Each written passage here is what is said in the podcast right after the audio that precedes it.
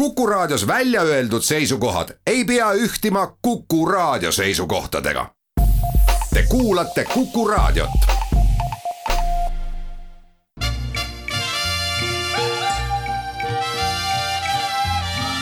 välismääraja. saade valmib koostöös uudisteagentuuriga BNS tere hommikust ja tere kuulama Välismäärajat.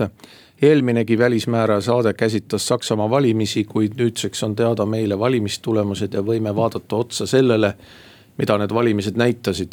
stuudios on Tartu Ülikooli võrdleva poliitika professor Vello Pettai, tere hommikust. tere hommikust. ja meiega on ka Saksa valimisi kohapeal katnud Postimehe ajakirjanik Berit Nuka, tere hommikust. tere hommikust. mina olen Erkki Pavlovski ja no alustame siis võib-olla lühidalt nendest tulemustest, et sotsiaaldemokraadid napilt võitsid. Neile järgnesid siis kristlikud demokraadid koos oma Baieri sõsarparteiga. siis tulid rohelised ja siis vabad demokraadid ehk liberaalid ja, ja Vello Pettai, no selline üldine küsimus, et. et mida Saksa valija siis nendelt valimistelt ka ootas ja, ja kas need ootused said siis täidetud jah, ähm, esmalt tahaksin öelda seda, et, et on väga hea, et just täna veel räägime Saksamaast, sellepärast et äh, täna on ju Saksa ühtsuse päev. täna on ju sakslastel siis võimalus tähistada seda taasühinemist äh, kolmkümmend üks aastat tagasi ja, ja tõsi küll, meedias ei ole sellest väga palju juttu. aga täna õhtuks peaks siis Angela Merkel minema Hallesse ja pidama seal vastuvõttu, nii et, nii et igati ikkagi sobiv teema meil täna siin saates ja ja ma arvan, et kui nüüd neid tulemusi kommenteerida ja, ja nendele mõelda, siis. ja mida rahvas valis või tahtis, siis, siis on huvitaval kombel on nagu paradoksaalselt äh, kahitini, et nad tahtsid ühtepidi muutust, sest noh, kuusteist aastat, eks ole, Merkelit ja, ja CDU-d ja, ja küll teiste erinevate partneritega, aga ikkagi põhiliin on, on seal äh, kristlike demokraatide käes olnud. ja samas, eks ole, tahavad stabiilsust, sest on äravad ajad, eks ole, keeruline äh, siis pandeemia olukord ja muu. ja, ja seetõttu need, need tulemused näitasid jah, et, et oli selge liikumine teiste erakondade poole, eks ole, nii sotsiaaldemokraatide sotsiaaldemokraadid, rohelised, liberaalid said äh, juurde. ja, ja kristlikud demokraadid kaotasid, aga teistpidi valisid nad kõige enam äh, sotsiaaldemokraate, sellepärast et justkui Olav Scholz on, on see kõige soliidsem nagu kandidaat, kes, kes oli kantsleri kohale ja selle taustal siis, siis lõi välja natuke see, see stabiilsuse märk ka, ütleks nii. no Berit, sa olid kohapeal Berliinis ja oma artiklites sa rääkisid ka inimestega tänava peal, et. mida siis need inimesed sulle ütlesid, et, et mida nad siis sellelt Saksa valitsuselt, Saksa riigilt ootavad? no Berliin ilmselt ei ole nagu selline, mis annab kogu Saksamaa no, kohta pildi, Berliin on ikkagi iga nagu. suurema riigi puhul nii, et pealine ei näita tervet riiki. on ikkagi selgelt nagu vasakpoolsem kui Saksamaa keskmiselt tõenäoliselt aga inimestel tundus lihtsalt olevat jah, väga palju seda, noh ikkagi kui, kui rääkima hakata, tuli see kliimateema paratamatult esile. et, et selle, sellega tuleb tegeleda, sellega on kiire, see on pakiline ja see on meile oluline, see, see nagu kõlas väga selgelt läbi inimeste jutust. aga noh, sinna taustale tulevad ikkagi iga, igaühe isiklikud eelistused, et Berliinis räägiti just äh, elamispindadest, nende kättesaadavusest, taskukohasest. mul üks äh, hea sõber, kes elab siis Saksamaa teises servas Šveitsi piiri ääres. tema nagu mõtles jälle selle peale, et mis saab maksudest on ju, et ikkagi nagu sihuke jõukam piirkond, kes mõtleb oma rahakoti peale on ju. et, et eks inimestel olid väga erinevad mured, aga nagu selge oli see, et, et mingisugust muutust tahetakse. aga kuigi palju ilmselt selles sotside edus on ka seda, et, et, et, et võib-olla see ei ole suur muutus aga sotside poolt hääletamine vähemalt tähendas seda, et nad ilmselt vahetavad parteid, kes juhib valitsust. ehk et selles oli üksjagu ilmselt ka taktikat, et mitte see, mitte et nagu tingimata ei taheta seda, mis on roheliste programmis või vabade demokraatide programmis. aga taheti hääletada selle suure partei poolt, kes vähemalt saab hakata seda valitsust kokku panema, et, et seal midagi muutuks no tõsiasi on, et äh, Saksamaal kaks peamist parteid, sotsiaaldemokraadid ja kristlikud demokraadid äh, ei teinud ju lõppkokkuvõttes väga head tulemust, et sotsiaaldemokraadid küll võitsid, aga noh, see on ikkagi hale vari võrreldes sellega, mis oli neil kunagi, et nelikümmend, võib-olla isegi viiskümmend protsenti häältest. ja nüüd siis umbes kakskümmend viis protsenti aga see ei tähendanud seda, et see pendel oleks liikunud teises suunas, et ma mõtlesin seda, et kui paljudes muudes riikides on see fakt, et peavaluparteid kaotavad, et selle arvelt siis võidavad äärmused, siis seda Saksamaal ei juhtunud ju, et. alternatiiv Saksamaal ei saanud parteina üldse Bundestagi, nad said neli koma üheksa protsenti jäädes. sa mõtled vasakpoolseid?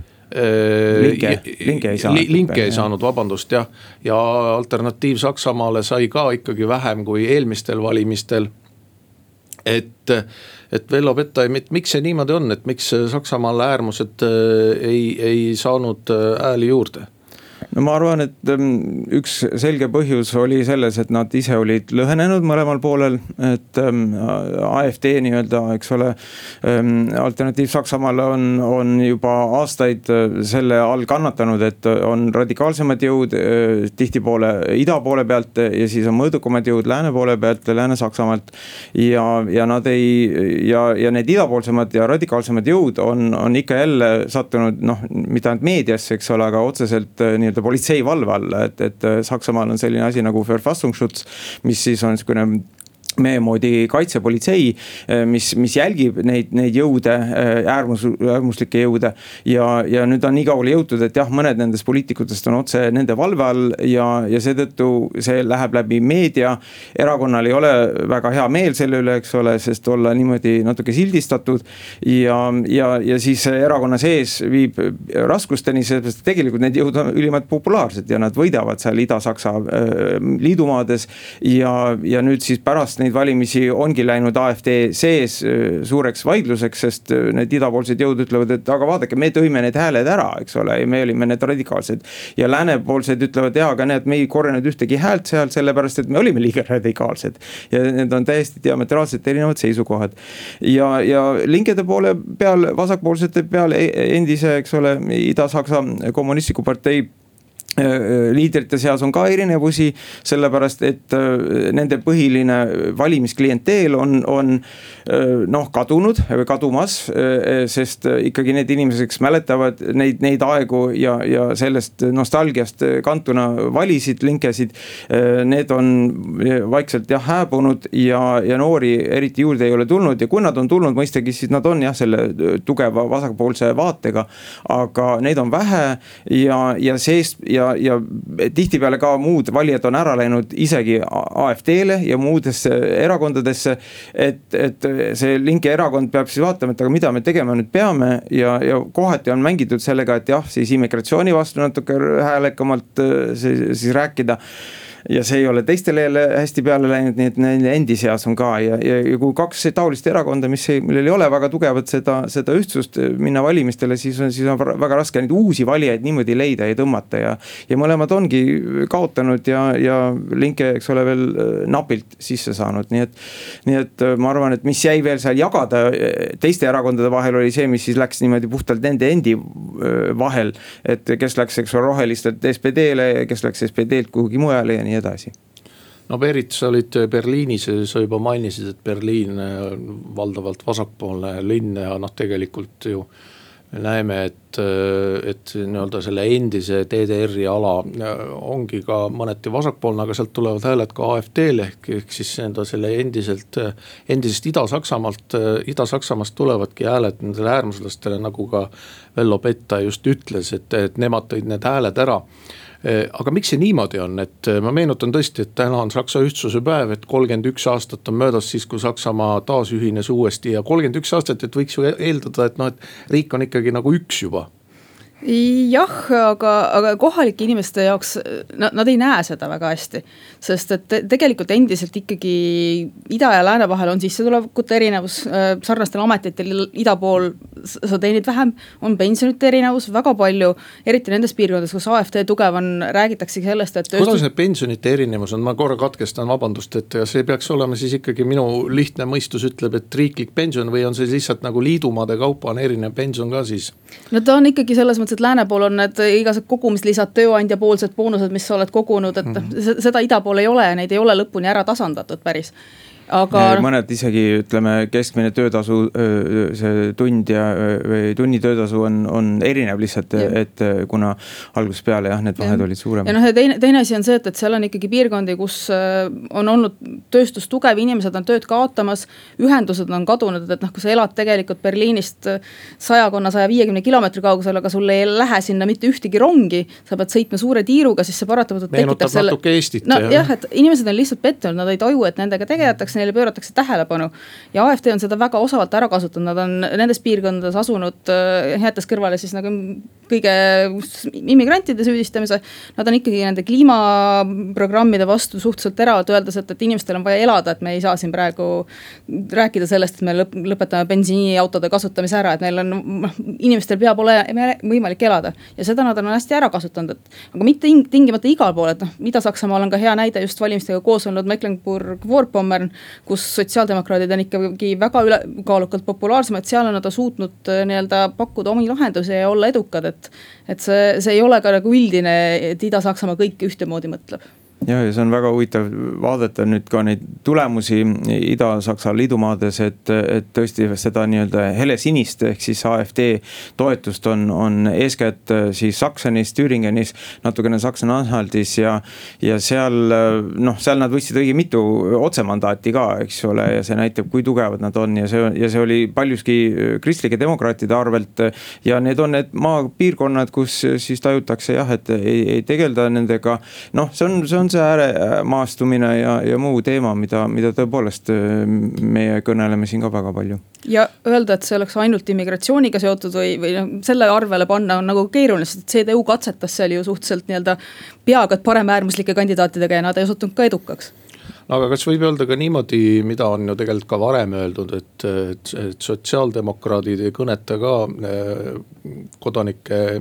sellepärast, et ära on kadunud see sotsiaaldemokraatlik töölisklass, et ja nad ei ole suutnud leida endale uusi teemasid, noh tõesti lugeda siin Olav Soltsi intervjuud ja kuulata tema avaldusi, et ta nagu üritab nagu äh, pöörduda inimeste poole, aga nii-öelda seda noh, kuidas siis öelda, ma kasutan nüüd marksistlikku sõnavara, aga sellist nagu klassiteadlikkust eh, ei, ei kipu olema ja see on ka põhjus, miks eh, sotsiaaldemokraadid eh, noh, saavad ainult vaevu neljandiku häältest aga ma arvan, et see on see, et seda klassi kui sellist enam ei ole, eks ole. No, kui, kui, kui, kui see tehas on suletud, kui, kui kaevandus on suletud, eks ole, siis, siis need, nendel inimestel on vaja seda uut tööd ja, ja on vaja seda majandust täiesti ümber struktureerida.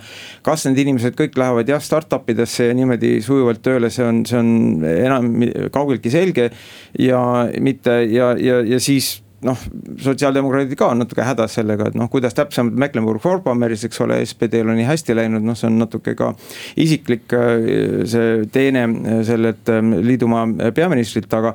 aga noh, see on, need on need strukturaalsed muutused majanduses, mis, mille osas jah, ka siin sotsiaaldemokraadid äh, murravad pead. ja SPD ei ole ka ju selline, et neil oleks väga selge ühtne joon, et noh, Scholz on ikkagi SPD sees pigem sihuke tsentristlik kandidaat, partei juhtkond on äärmiselt rohkem vasakpoolne. nüüd parlamenti sai said väga paljud nende noorteühenduse liikmed, kes on ka selgelt vasakpoolsemad. et noh, nad tegelikult otsivad ka seda tasakaalu nii-öelda vasakpoolsete seisukohtade ja, ja igapäevapoliitika vahel, mis oleks ülejäänud riigile vastuvõetav. teeme siinkohal väikese pausi ja tuleme tagasi mõne hetke pärast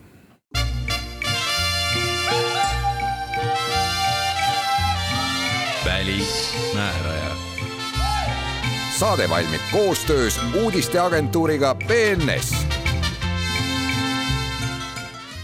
tere tagasi kuulama Välismäärad, stuudios on Vello Pettai, Berit Nuka ja Erkki Bahovski ja räägime edasi Saksamaa valimistulemustest. no sotsiaaldemokraadid said vähe hääli, aga veelgi vähem said kristlikud demokraadid ja, ja küsimus ongi, et eh, miks siis niimoodi, et võiks ju eeldada, et eh, nende eh, kantsler Angela Merkel, kes küll nüüd pani selle kristlik-demokraatide juhi koha mõni aeg tagasi maha, aga ikkagi, et see Merkeli vari võiks ju anda neile nagu rohkem hääli ja et nad saaksid selle paistel ennast soojendada, aga nii ei, nii ei läinud ja kristlik-demokraatide liider Armin Laschet ei ole küll relvi veel maha pannud ja, ja unistab edasi koalitsioonikõnelustest ja valitsuse moodustamisest, aga. aga Berit, miks siis ikkagi ka kristlik-demokraadid hävisid, et, et kas siis Lascheti figuur oli lihtsalt selline, mis inimesi ei kõnetanud? No üks pool on kindlasti jah see, et äh, Laschet ikkagi osutus äärmiselt ebapopulaarseks, tuleb öelda. aga teine pool on ka see, et, et kristlikel demokraatidel viimastel kordadel ikkagi oli üksjagu neid valijaid, kes valisidki neid äh, Merkeli pärast. ja kui Merkelit ei ole, siis neil ei ole ka seda motivatsiooni valida, et Merkel väga osavalt suutis oma võimu ajal haarata natukene vasakpoolseid teemasid enda rüppe, ta suutis köita inimesi. Ja, ja Merkel hoidis selles kampaanias ennast ikkagi väga tahaplaanil, et ta lõpuks siis, kui nagu seis oli. aga kas see oli äkki viga, et hoidis ennast tahaplaanil, et ta tuli jah, mingi nädal enne, eks ole, valimispäeva, et kui Merkelit oleks olnud rohkem näha, äkki siis oleks kristlik-demokraadid ka saanud rohkem hääli? ei tea isegi, sest et ma nägin nüüd alles äh, selle nädala jooksul ka mingit küsitlust, kus inimeste käest siis päriti, et noh, et kui väga nad Merkelit igatsema hakkavad ja seal oli sihuke napp kolmandik, kes ütles, et nad hakkavad Merkelit igatsema, et ega tegelikult Merkelist nagu väga puudust ka tundma ei hakata, et väga palju tagantjärele on öeldud ikkagi lõpuks seda, et. et oli küll pikalt, aga ega ta ju midagi ei teinud, ta tegeles põhiliselt kriisihaldusega et noh, see ongi see selles mõttes, et see, see palju Merkelist oleks kasu olnud, on nagu üks küsimus, teine küsimus on see, et, et. kas palju oleks kristlikud demokraadid võitnud sellest, kui nad oleks ikkagi Lascheti asemel pannud kantslerikandidaadiks siis Bayeri sõsarpartei juhi Markus Sööderi, kes noh, eriti just Ida-Saksamaal oli ikkagi oluliselt populaarsem kui Laschet ja, ja noh, Laschetile just heideti väga palju seda ette, et ta esines täiesti arusaamatute seisukohtadega Ida-Saksamaa osas, mis noh, tegi nende võimalustele seal sisuliselt nagu lõpu peale. Aga noh, Laschet ei suutnud ka tegelikult korralikult kampaaniat käima tõmmata, et jättes kõrvale tema isiku, siis väga pikalt jäi sihuke mulje, et ta, ta ei üritagi võita, et noh, kampaaniat ei ole, tal ei ole programmi, ta esitles kampaaniameeskonda ka mõned nädalad enne valimisi, noh, mis tekitas nagu tunde, et miks nüüd, et nüüd nagu rong juba enam-vähem läinud on et ta lihtsalt ei suutnud kuidagi nagu näidata, mille poolest see partei nüüd äh, erineb sellest, mis ta oli Merkeli ajal ja mida nad edasi teha plaanivad minu meelest. Vello Bettai, mis sa ütled kristlik-demokraatide ebaedu kohta? Ma arvan, et ähm, tõepoolest see on, see on see äh, Armin Lassi, Armin Lascheti kasuks valimine oli, oli äh, jah, viga.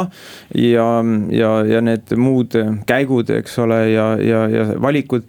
Ähm, ja ma arvan, et see Angela Merkeli nii-öelda äh, paistes seal, seal kuidagi kampaania tegemine oleks võib-olla tugevdanud asja küll ja, ja see, see oli silmapaistev, et, et jah, nagu näed ja muti ei ole nagu siin kohal kuskil ja ja, ja ma oleks ette kujutanud tõesti sihukest jõulisemat eks ole, esinemist tema poolt, mitte niimoodi, et ta, et ta istub seal kantsleri kontoris ja, ja ametis ja, ja sealt, eks ole, peab mingit poliitilist kõnet, aga, aga noh, ikkagi käia kampaaniat tegemas oleks, oleks kohane võib-olla olnud küll, aga ma arvan, et ta ju siis ta nägi oma rolli juba ikkagi seal, seal äh, kunagise nii-öelda juhina ja, ja, ja pensionile mineku äärel, et, et, et see siis seal ei olnud seda, seda mahti ja, ja, ja ma arvan, et see Ida-Saksa see lõhe on, on väga suur, et just nimelt need Ida-Saksa CDU valitsejad või, või siis poliitikud on, on väga palju ette heitnud Laschetile, et jah, tema, tema siin üldse meil ei.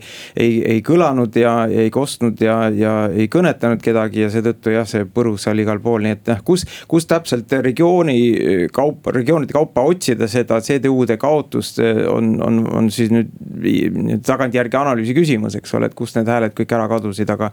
aga ma kujutan ette, et kui siin AfD sai nii mitu ka otse mandaati Ida-Saksa liidumaadest, siis, siis sealt läks omajagu.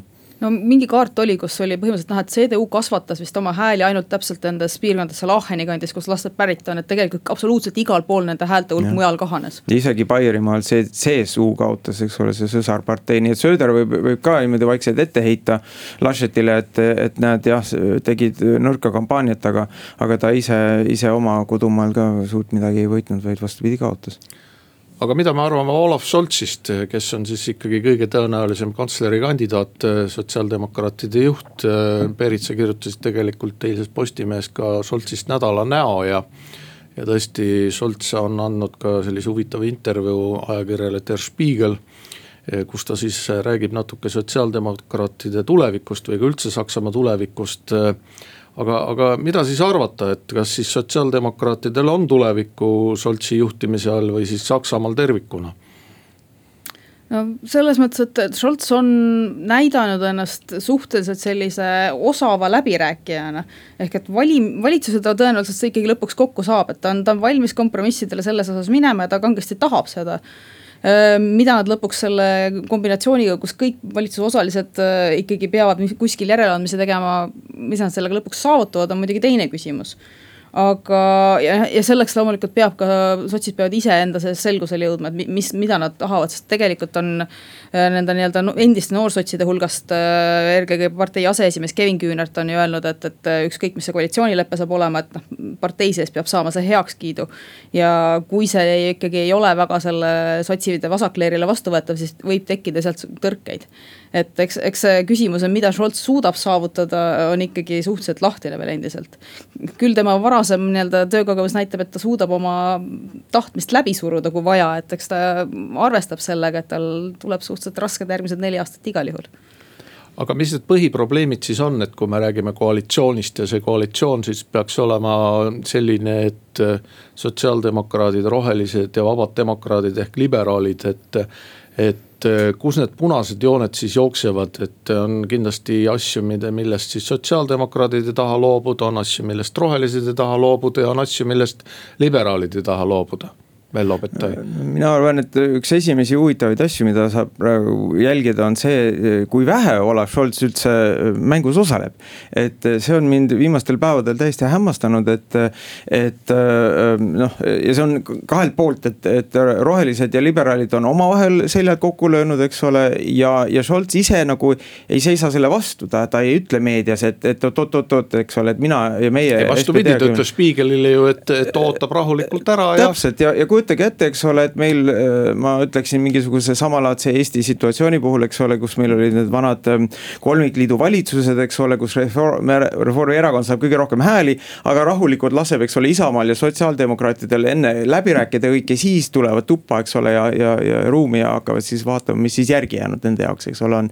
et ja seda nagu ise ei, ei kujuta ette, aga ometigi jah, ma arvan, et see on võib-olla märk sellest, et Scholz ise teab, et, et ta lõpuks ikkagi kannab väga suurt kaalu, ta on väga kogenenud äh, poliitik, eks ole, nii, nii äh, liidumaa tasandil kui ka siis riigi tasandil, endises valitsuses rahandusminister, mis, eks ole, alati igas raha, valitsuses ülimalt oluline. ja Saksamaal eriti, eks ole. jah, täpselt ja seal on seal see vetoõigus on kõikidele asjadele, nii et ta haldab seda, neid, neid äh, portfelle nii-öelda ja neid teemasid ja ja, ja, ja siis ta nagu Berit ütles, tõenäoliselt, eks ole, tuleb sisse ja siis vaatab, kus neil veel neid kompromisse tuleb, tuleb sõlmida. aga, aga need, neid kompromisse tuleb, sellepärast et neid teemasid on, on jah, keerulisi teemasid on palju.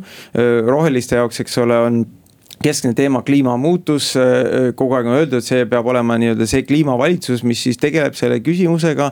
ja, ja see on nende suur ambitsioon, äh, roheli- või see liberaalid, eks ole, on, on, on ka võtnud nii-öelda südamesse kliimateemaga, aga teistel tingimustel nii-öelda, eks ole, et, et kohe ei hakka maksustama, kohe ei hakka majandust niimoodi ära pöörama, vaid las turg ise seda teeb. alates sellest, et, et küll autofirmad ise, eks ole, tulevad elektriautodega turule mitte et ei ole vaja otse suunata. Äh, küll äh, me leiame lahenduse siin äh, taastuvenergia suunamiseks, eks ole, edasi ja, ja väljaehitamiseks ja ei pea ise tegema.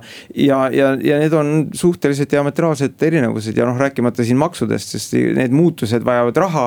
ja küsimus on, kas sa maksustad, et neid muutusi läbi viia või sa ei maksusta. ja, ja ma arvan, et need kõnelused, mis toimuvad just praegu roheliste ja liberaalide vahel on väga põnevad ja seal tahaks pigem seal olla, kui kuskil mujal ühesõnaga täiesti ei saa maha matta ka võimalust, et eh, kristlikud demokraadid ikkagi võtavad kantsleri koha ja ja, ja pakuvad rohelistele liberaalidele rohkem, sest no vist küsimus on selles, et kes pakub ro eh, siis rohelistele liberaalidele rohkem, et kas suudavad sotsiaaldemokraadid teha rohkem järeleandmisi või siis kristlikud demokraadid. aga need, need ei ole võrdsed pakkumised, sellepärast et äh, esiteks äh,. no kohtade arv on muidugi erinev ka. kohtade arv on ja, ja aga see imago on erinev, eks ole, et, et, et kui nüüd Armin Laschet suudaks valitsuse teha, siis ta tõesti teeb sellise Jüri Ratase liigutuse, eks ole, kaks tuhat üheksateist, et. et Kaja Kallas, eks ole, ootab seal ja siis sõidab sisse ratas ja, ja teeb teistega ära. see oleks Lascheti mäng ja see ongi see tema mäng, aga, aga, aga see vahe on selles, et Laschet kaotas kaheksa protsenti, eks ole, hääli hääli. Ja nüüd pretendeerib, eks ole, ja SPD ka võitis tegelikult viis protsenti häälte, hääli, nii et. nii et see, see on ja, ja teine asi, mis mängib selle vastu, on see, et roheliste jaoks on see äärmiselt raske, sest siis see kogu see kliimamuutuse imago, mis neil on. taolises valitsuses läbi suruda, noh, võime öelda, et jah, siis nad peavad ennast väga, saavad võib-olla ennast väga äh, kallilt maha müüa, eks ole, aga see on ikkagi nii-öelda paljude inimeste silmis mahamüümine. ja, ja see võib neile katastrofaalne olla, nii et ma arvan, et ikkagi rohelised jäävad nui neljaks ikkagi SPD poole ja tahavad seda valgusfoori koalitsiooni ära teha liberaalide jaoks ei pruugi ka see sotsidega valitsusse minemine tegelikult väga halb olla, sest kui nad saavad rohelistega need oma nurgad maha sõidetud. siis sotside programm on võrreldes roheliste liberaalide pro programmiga oluliselt vähem konkreetne. Nad ei pane nii palju numbriliselt paika, et tahame seda, seda, seda, vaid neil on nagu siuksed pigem suunad. ehk et sotsidel on seda mänguruumi tegelikult rohkem, et oma nägu säilitada, et kui, kui nagu rohelised ja, ja liberaalid suudavad omavahel nii-öelda mõlemad teha need järeleandmised, millega nad saavad minna oma partei ja valijate juurde öelda, et näete, me võitsime selle selle ja me võitsime selle ja vaikselt jätta kõrvale selle, mille nad kaotasid. siis, siis nende jaoks on ka see täiesti okei okay lahendus. ja no viimane märkus võib-olla lihtsalt kiiresti see, et, et me üldse ei tea, kes on äh, kristlike demokraatide poole peal. Äh, et Armin Laschet on küll jätkuvalt edasi, aga, aga erakonna sees on väga tugev kriitika, see tõuseb iga päevaga, et, et, et mees peab kas tagasi astuma või üldse suu kinni pidama ja, ja me läheme nüüd äh, edukalt opositsiooni, nii et seal on hääli ka CDU sees, kes ütlevad, et ei, lihtsalt oleme nüüd siin vait ja, ja, ja ja vaatame edasi ja rohelised ise ka ütlevad, et ega me ei tea, kes seal nii-öelda musta poole peal üldse meiega mängivad, nii et äh, mis, milleks üldse sinnapoole pilku pöörata no vaatame korra väljapoole ka ja, ja mõtiskleme selle üle natuke, et äh, Saksamaa välispoliitika ja Saksamaa Euroopa Liidus. tegelikult teemad, mis meile on olulised, sest Saksamaa on ikkagi Euroopa Liidu võimsam riik ja ja väga palju, mis Euroopa Liidus toimub, sõltub Saksamaa poliitikast ja järelikult mõjutab see ka meid aga tundub nii, et äh, nendel valimistel väga palju Euroopa Liidust ei, ei, ei räägita, et ei räägitud, et äh, et äh, Berit, et miks see niimoodi oli, et ja noh, välispoliitikast üldse väga palju ei räägitud. Noh, kuigi palju ikkagi välispoliitikast juttu oli, aga ma arvan, et Euroopa Liidust, miks juttu on suhteliselt vähe, on selles pärast, et nende parteide nägemus valdavalt, kui jätta nüüd kõrvale need äärmuslikumad jõud, on ikkagi suhteliselt sarnane. et tegelikult ei ole debatti selle üle, et Euroopa Liit on Saksamaale väga oluline, et nad tahavad seal suurt rolli mängida. seal on nüansid, rohelised äh, tahavad äh, võib-olla rohkem lõimunud äh, Euroopa Liitu selles mõttes, et liikuda ühel hetkel võib-olla tõesti siis sihukese Euroopa Föderatsiooni poole väga pikas perspektiivis. aga seda, et Euroopa Liit on keskne Saksamaa jaoks välispoliitiliselt, seda ei sea mitte keegi neist kahtluse alla ja selles mõttes see, see ei tekita debatti ka ja ma arvan, et äh, ajakirjanikud ise ka nagu ei tõstatanud teemat, et kui meil, kui, kui toimusid need nõndanimetatud triellid, eks ole, kus olid kolm kantsleri, kanslerikandidaati koos äh, debati äh, kujul, siis, siis noh, sealt ei tõstatud ka keegi ajakirjanikest, eks ole, juhtivatest moderaatoritest ei, ei hakanud nüüd seda väga problematiseerima, nii et. nii et jah, laias laastus on, ollakse nõus nendes küsimustes ja, ja, ja. mingeid nad... suuri muudatusi Euroopa Liidu suunal Saksamaalt ei ole oodata, et küsimus on nüanssides, et noh, et ei toimu toimu mingit drastilist noh, pööret. no ütleme, et nad usaldavad Ursula von der Leyenit ka, nad tunnevad teda enam-vähem päris hästi. ja seal on jah, tõesti natuke küsimus selles, et ku, kuidas suhtuda nii-öelda Euroopa Liidu sellesse võlapoliitikasse, võib-olla mingid nüansid, et noh, liberaalidel tahaksid nii-öelda võimalikult äh, rangelt seda kontrollida nagu riigi sees. üldiselt äh, kõik need suuremad parteid ikkagi on selle poolt, et Euroopa Liit peaks mõtlema oma kaitsevõimekusele ka, on ju, et seal mingisugused siuksed ideed neil on, aga nad on suhteliselt üksmeelsed, et see ei ole koht, kus ka parteid parteidel omavahel suuri erimeelsusi oleks aga Saksa-Prantsuse telg, mis on selline mootor Euroopa Liidu sees, et kui me nüüd ette kujutame Olav Scholzi kantslerina, et kas ta oleks nagu hea partner siis Prantsusmaa presidendile Emmanuel Macronile. ja noh, muidugi tõsiasi on see, et ka Prantsusmaal toimuvad presidendivalimised järgmisel aastal, nii et noh. me ei tea üldse, eks ole, mis sellest Saksa-Prantsuse teljest saab, aga, aga kuidas on, et Vello, et, et kas see Scholziga see Saksa-Prantsuse telg siis toimiks ja ja Saksamaa poliitika Prantsusmaa suunal noh, väga palju ei muutuks jah, ma ei näe, miks see ei peaks toimima, et, et Scholz on, on selles mõttes nagu öeldud, kogenud poliitik ja ma arvan ka välisküsimustes piisavalt kompetentne. et äh, jah, ja oleneb ka sellest, kes tal siis seal välisministrina kõrval on ja, ja kuidas see kaitsepoliitika ja kaitseministri koht siis täidetud saab ja, ja kellega. et, ähm, et ma arvan, suurem küsimus on, et jah, mis, mis Prantsusmaal saab ja, ja kuidas need valimised välja kukuvad, et seal, seal läheb heitluseks küll ja Saksa valimiste eel ju Macronil käisid külas nii Laschet kui Scholz, tundus, et sõbralikud läbisaamised olemas, Scholz on töötanud rahandusministrina ju kogu selle koroonapaketi, taastepaketi teemadel, rahanduspoliitika teemadel, et tal on tegelikult ka Euroopa Liidu suunal töötamisest väga hea kogemus olemas ma arvan, et, et ka prantslased praegusel hetkel lihtsalt eelistaks, et Saksamaa saaks võimalikult kiiresti valitsuse ja saaks rahulikult edasi minna, planeerida enne, kui prantslastel endal valimised peale tulevad just nimelt, et.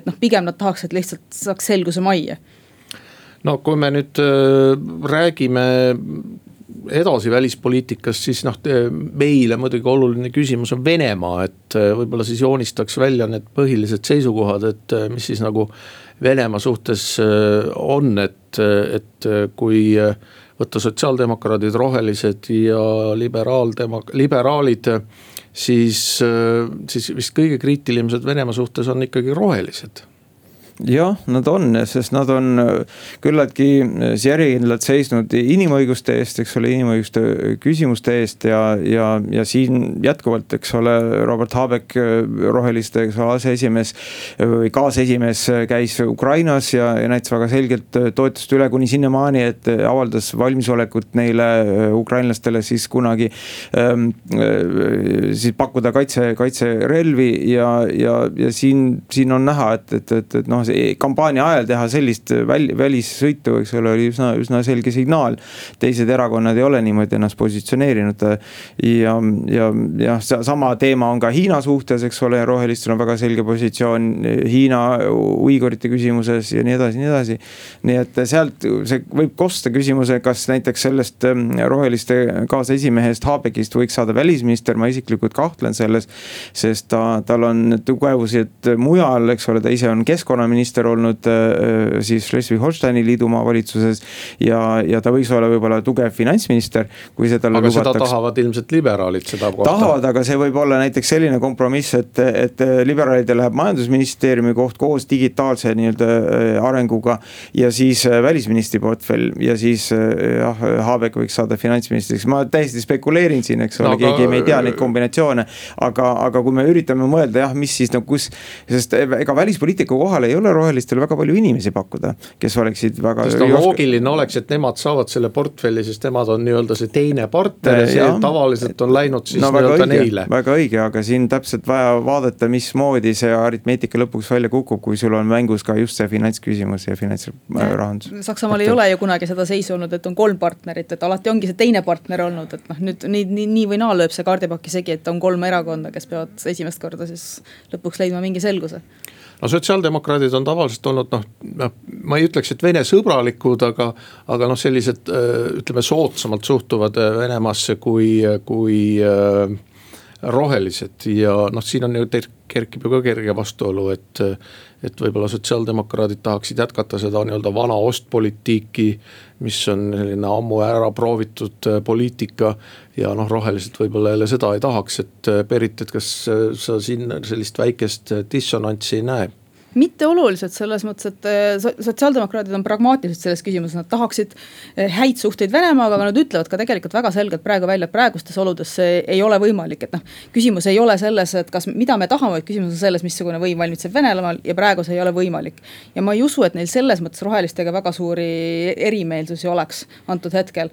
Äh, sotsiaaldemokraadid on ka väga selgelt välja öelnud, et NATO jääb nende kaitsealustaladeks, nad ei kavatse kuskil seal järeleandmisi teha, et et ma, ma ei usu, et tegelikult äh, nendel kolmel parteil välispoliitikas väga suurt äh, hõõrumist tekiks, äh, vähemalt koalitsioonikõnelustel kindlasti mitte. teeme siinkohal väikese pausi ja jätkame mõne hetke pärast.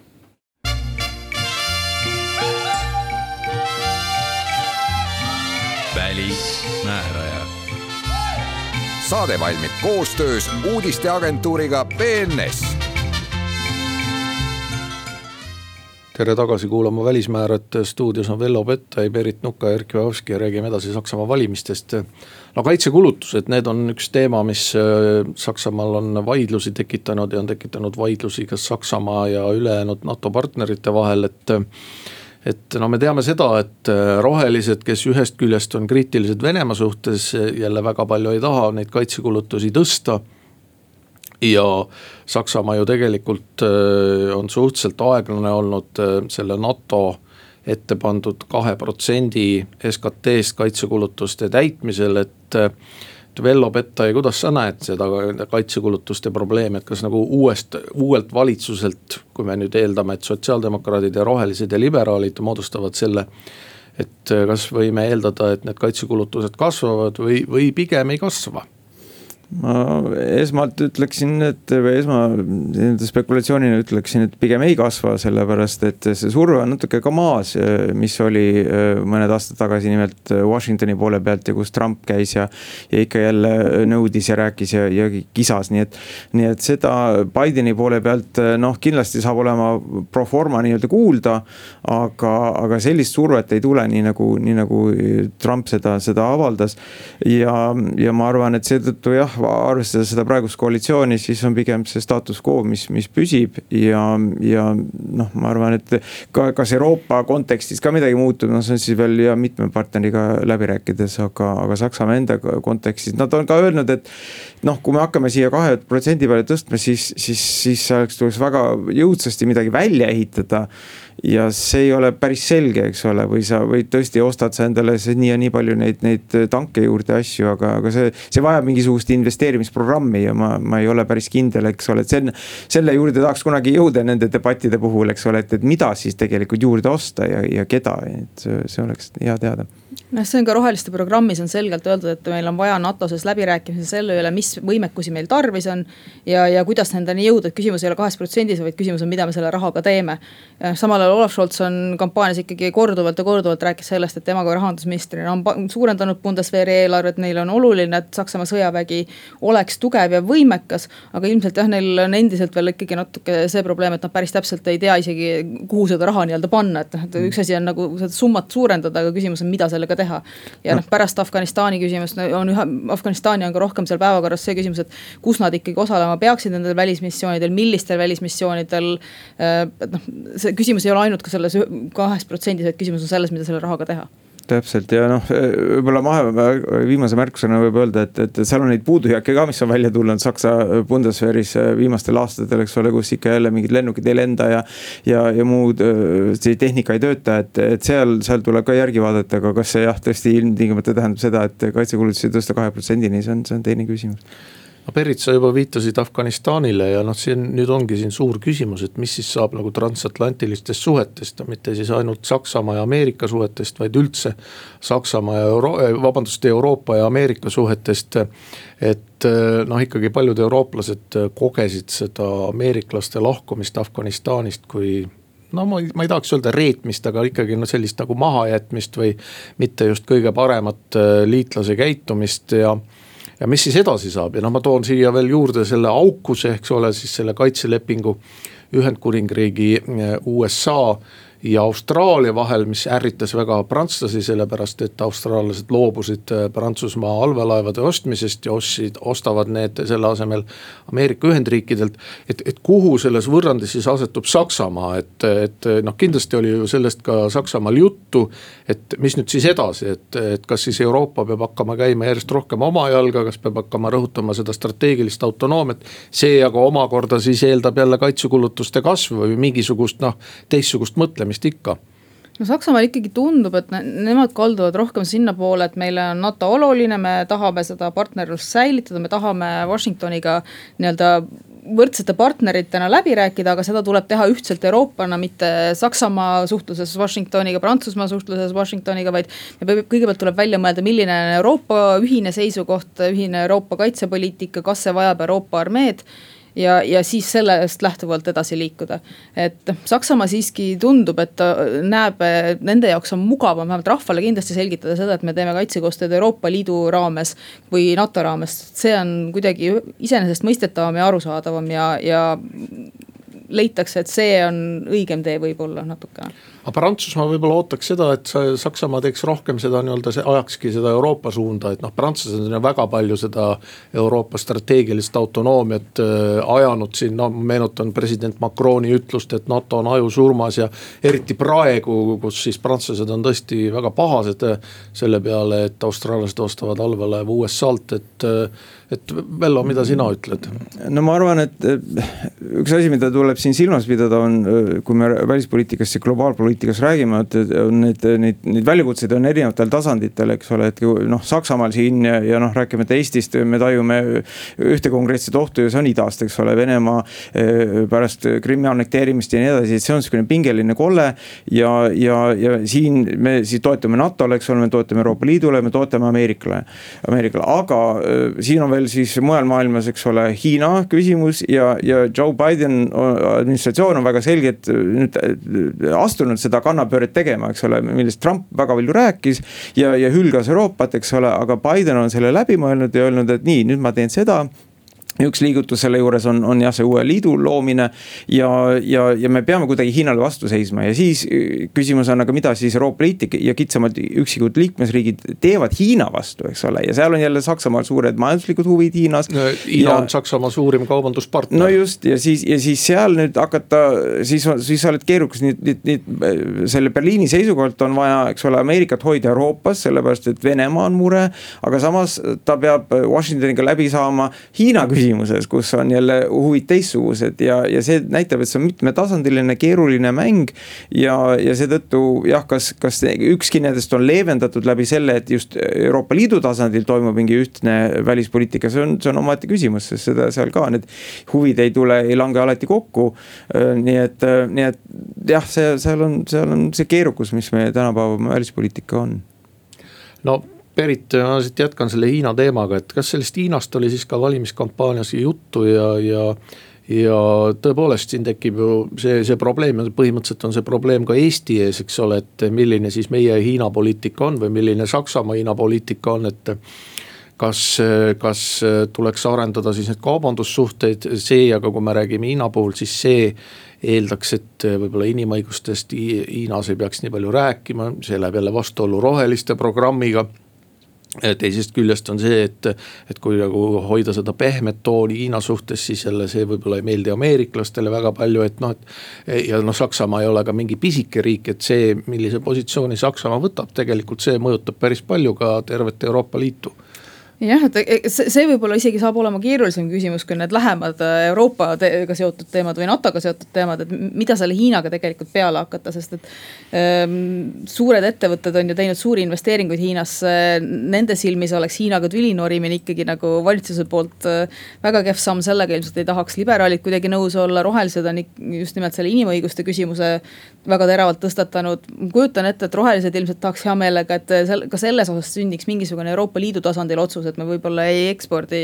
või impordi Euroopa Liitu kaupa, mida, mis töödetud, toodetud uiguuride sunnitööga näiteks. et need asjad võib-olla selgemini välja öelda mingisugusel teisel tasandil, mitte nii-öelda Saksamaa valitsuse tasandil sotsid ilmselt tahaksid nagu hoolitseda selle eest, et ettevõtjad oleks rahul ja inimestel oleks tööd, on ju, ja samal ajal nad ei jätaks ennast muljet kui liiga Hiina sõbralikud, et e, see võib-olla tegelikult on nende jaoks keerulisem, aga noh. ilmselt nagu hetkeks annab seda veel vähemalt võib-olla niimoodi valitsuse moodustamise käigus natukene edasi lükata, et need diskussioonid kerkivad siis natukese aja pärast Vello Pett, no mis on need momendid, mida Eesti peaks jälgima Saksamaa puhul nüüd, et äh, kantsler Merkel noh, tema valitsusaeg kuusteist aastat ju laias laastus oli ikkagi Eestile positiivne. noh, siin oli küll äh, rändekriis, aga Merkel toetas meid näiteks pronksi kriisis kaks tuhat seitse, et, et äh, aga mis praegu? praegu ma arvan, et tuleb vaadata, et jah, see valitsus saaks sujuvalt moodustatud ja, ja noh, mingisugune poliitiline nihe toimub, see on selge. ja noh, me oleme nüüd siin kaardistanud neid, neid võimalikke nii-öelda jõujooni, et, et eriti, mis puudutab rohelisi ja välispoliitika Euroopa küsimustes. noh, teatud stabiilsus, ma arvan, et ka jääb, et, et ei ole siin väga pea peale see asja, asi pööranud. nii et ähm, ma arvan, et meil siin väga põhjuseks või põhjust muretsemiseks ei ole. aga, aga me vaatame kindlasti neid konkreetseid üksikuid äh, nii-öelda äh, murekohti meie enda seisukohalt ja üks on selgelt Venemaa, nii et me siis jääme ootama, kes just nimelt nimelt välis- ja kaitseministriks saab. no Berit, mis sa ütled? no arvestades ikkagi roheliste suurt mõju sellele valitsusele, seda, et kliimateemad on teiste parteide programmis, ma kujutan ette, et seda survet Euroopa Liidu kaudu kasvõi rohkem, et nende teemadega tegeleda hakkab tulema natuke tuntavamalt. et ne, Saksamaa, mulle tundub, et mujal riikides või vähemalt siin Eestis me ei saa aru, kui teravalt need teemad tegelikult Saksamaal päevakorras on, et. no need on vist ka mujal Euroopas no, palju teravamad kui meil. et me, me tegelikult ei taju, kui olulised need on ja, ja kui nendega üritada nii-öelda nihverdada, siis kuivõrd ärritavalt see võib mõjuda teistele riikidele. reaalsed kliima nii-öelda katastroofid toimusid Saksamaal seal Nordrhein-Westfalenis, siis Rheinland-Pfalzis. just valimiste käigus, eks ole, nii et see oli sedavõrd siis nii-öelda presentne teema, et, et see, see, see on asi, mida meie võib-olla siin jah, kohe ei taju no üks asi veel äh, enne saate lõppu, no ma lugesin sealt äh, Olav Soltsi intervjuust Der Spiegelile välja ka selle globaalse maksu. ja Solts siis väidab, et tema on äh, selle taga, et siis kehtestada selline globaalne maks siis ettevõtetele. ja sellele on just Eesti vastu olnud, et Eesti ütleb, et see siis rikub Eesti maksusüsteemi, et. et mis me siis arvame, et kas, kas see võib kujuneda mingiks probleemiks või õnnestub see ka kuidagi diplomaatiliselt ära lahendada mina arvan, et äh, Eesti kindlasti jah, nagu avaldab arvamust selle, selles küsimuses. Äh, eriti kui meil on Reformierakond, eks ole, peaministripartei. Äh, aga teistpidi noh, see, see, seda probleemi on palju rohkem Iirimaa, Luksemburgi, Malta puhul, kus, kus terve ärimudel on sellele üles ehitatud, eks ole, mitte et meil ei oleks see väike, väike. aga, aga ikkagi seal nad kaitsevad, nii et sakslast ma olen kuulnud seal ringkondadest, et, et ja nemad näevad just seal seda seda probleemi Iirimaas ja teistes, et seal see poliitiline võitlus tuleb suurem. Aga selline oli meie saade täna, tänan kuulamast, stuudios olid Vello Pettai, Berit Nuka, Erkki Bahovski, kõike head ja kuulmiseni.